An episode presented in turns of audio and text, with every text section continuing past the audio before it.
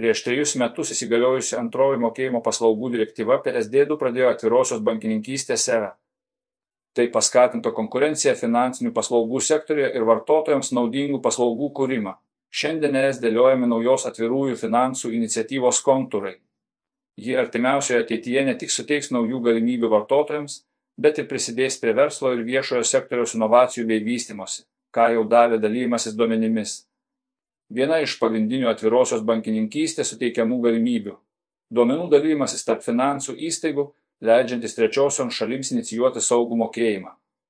Taip klientai gali patogiau naudotis finansų paslaugomis. Pavyzdžiui, apsipirkimo internetu metu jiems nereikia išeiti iš parduotuvės mokėjimui atlikti, nes jie gali pasinaudoti integruoto atsiskaitimo būdu. Baltijos šalise klientams tai nebuvo didelė naujiena. Jau daugelį metų buvo naudojama populiari banklink paslauga, tačiau daugelį Europos šalių tai buvo nauja. Taip pat šį įsigaliojusi direktyva leido bankams ir trečių šalių finansų paslaugų įmonėms siūlyti sprendimus prekybininkams mokėjimų inicijavimui iš įvairių bankų su viena integracija ir viena sutartimi. Prieš įsigaliojant PSD2 direktyvai buvo pradėję plisti abejotino patikimumo sprendimai. Pavyzdžiui, automatizuoto ekrano informacijos perėmimo metodas RNGL Screen Strapping mokėjimams inicijuoti.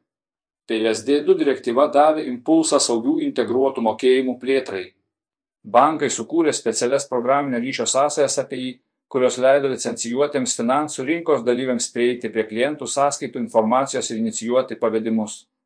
Taip įvairūs paslaugų teikėjai jų klientai gavo galimybę pasirinkti ir naudoti daugiau jiems priimtinų atsiskaitimo būdų. Mokėjimo paslaugų teikėjų licencijavimas ir tai, kad tokio tipo atsiskaitimai gali būti vykdomi tik su vartotojo žinia, užtikrina saugumą. Per pastaruosius trejus metus taip inicijuojamų pavedimų skaičius išaugo daugiau nei du kartus.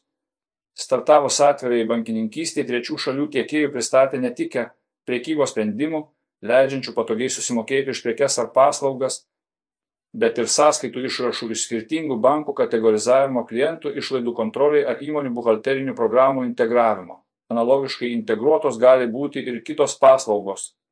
Pavyzdžiui, nusprendus įsigyti televizorių išsimokėtinai, nebereikia prisijungti prie banko, pildyti informacijos apie pirkinį, sudaryti paskolos sutartį, gauti lėšas į savo sąskaitą ir atlikti mokėjimą prekybininkui. Pakanka pateikti parašką per prekybininko puslapį, gauti greitą sprendimą ir pasirašyti paskolos sutartį. Netolima finansinių paslaugų ateitis. Šiuo metu es ruošia naują atvirųjų finansų iniciatyvą. Ji numato išplėsti informacijos, kuria su licencijuotais rinkos dalyviais turės dalintis bankai spektrą. Atviroji bankininkystė trečioms šalims leido prieiti tik prie sąskaitų informacijos inicijuoti pavedimus, o atvirieji finansai suteiks prieigą prie pagrindinių bankinių produktų - paskolų, indėlių, draudimo ar pensijos kaupimo duomenų. Pirmąjį iniciatyvos variantą žadama pateikti iki 2023 metų vidurio. Tačiau šį kartą prieimas prie duomenų iš banko pusės galės būti apmokestinamas vadovaujantis sažiningos kainodaros principais. Klientai kaip ir anksčiau, gali likti ramus. Asmens duomenų apsaugos principai pažeisti nebus, nes informacija trečioms šalims bus prieinama tik sutikus jie dalintis. Atvirųjų finansų sistemos įgyvendinimas klientams palengvintų palankiausių bankinių produktų pasiūlymų paiešką. Pavyzdžiui, Svetbank klientams suteikus automatizuotą prieimą prie savo paskolos duomenų kitame banke suma, palūkanų norma, terminas ir PN, bankas galėtų operatyviai pateikti refinansavimo pasiūlymą. Tokiu pat principu galėtų būti pritaikoma ir indėlių, lizingo ar pensijų fondų informacija, duomenų panaudojimo galimybės. ES ateityje siekia sukurti vieningą duomenų rinką, kurioje ne tik finansų, bet įvairių sektorių duomenys galėtų judėti laisvai prisidedami prie verslo, tyrimų ar viešojo sektoriaus vystimosi. Tikslo įgyvendinimui ruošiamas duomenų įstatymas data ACT ir skaitmeninės rinkos įstatymas Digital Markets ACT. Šie reglamentai apima daugelis ryčių - transportą, gamybą, socialinius tinklus, interneto daiktus ar NGL, IoT, interneto erdvings, įskaitant dėvimus įrenginius, žemės ūkį, sveikatos duomenys ir PN duomenimis su kliento sutikimu galėtų naudotis ir bankai, ir kiti rinkos dalyviai.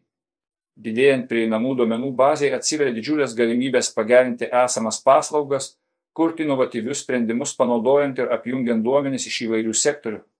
Duomenimis paremtos paslaugos ateityje galėtų apimti spektrą nuo draudimo, paremtos sveikatos duomenimis ir fizinių kliento aktyvumu, iki kliento skolinimosi galimybių įvertinimo pagal jo socialinių tinklų informaciją.